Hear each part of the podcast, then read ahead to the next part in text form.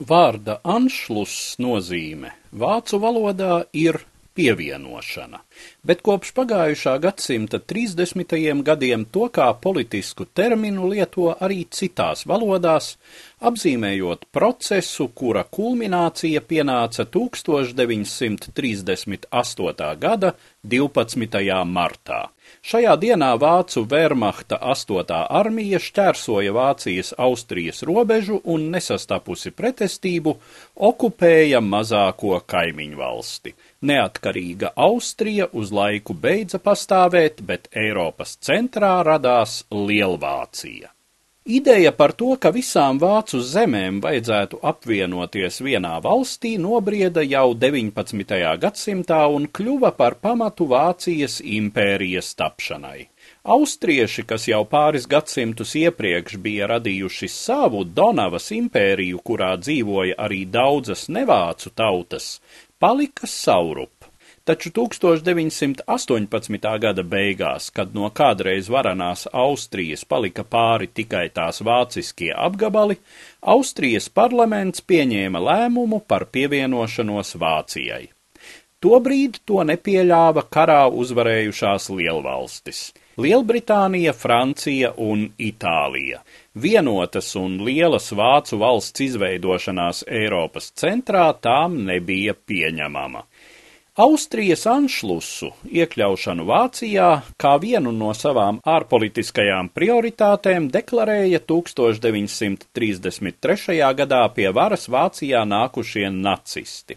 Arī Austrijā nacistu partijas atzars bija ļoti spēcīgs, tomēr 1933. gadā šeit nostiprinājās Anšlusam naidīgi spēki, tā dēvētais austrofašistu režīms. Austrofašisti pamatā nāca no labēji konservatīvās kristīgi sociālās partijas, kura nevēlējās katoliskās Austrijas iekļaušanos pārsvarā protestantiskajā Vācijā, un arī no militarizētās kustības Heimwehr, kas orientējās uz Itālijas fašistiem. Itālijai tobrīd nepavisam nebija pieņemami, ka nelielās Austrijas vietā pie tās ziemeļu robežām varētu parādīties Lielvācija. Austrofašisti atgrūda no varas gan kreisos, gan nacistus. 1934. gada februārī vairāku dienu ilgās ielu cīņās kanclera Dolfūsa režīms sagrāva sociāldemokrātu paramilitāro vienību pretestību, un kreisie spēki bija spiesti noiet pagrīdē. Tā paša gada jūlijā valsts apvērsumu mēģināja sarīkot nacisti.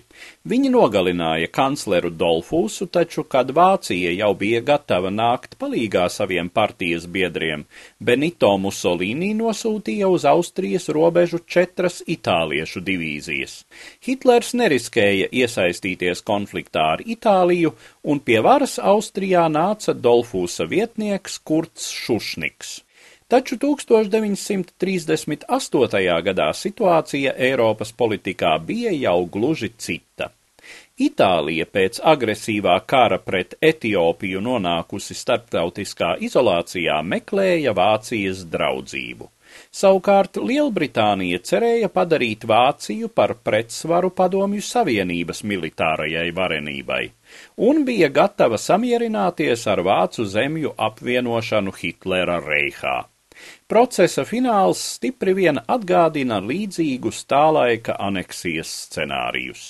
1938. gada februārī Šušniks, baidoties no vācu iebrukuma, bija spiests pieņemt ultimātu un iekļaut savā valdībā austriešu nacistus. Austrijas diktators vēl mēģināja pavērst situāciju, izsludinot tautas nobalsošanu par Austrijas suverenitāti, uz ko Hitlers reaģēja ar jaunu ultimātu, pieprasot Šušniga atkāpšanos. Uzzinājis, ka Lielbritānija un Francija negrasās aktīvi iejaukties un iespējams apzinoties, kā arī lielākā daļa austriešu atbalsta Anšlusu, Šušniks demisionēja. Dažas stundas vēlāk nesen par iekšlietu ministru apstiprinātais Austrijas nacistu līderis Artūrs Zeiss Inkvarts nosūtīja uz Berlīni telegrammu, lūdzot sabiedriskās kārtības uzturēšanai ievest Austrijā vācu karaspēku. 1938. gada 12. marta rītausmā vācu tanki ieripoja Vīnē.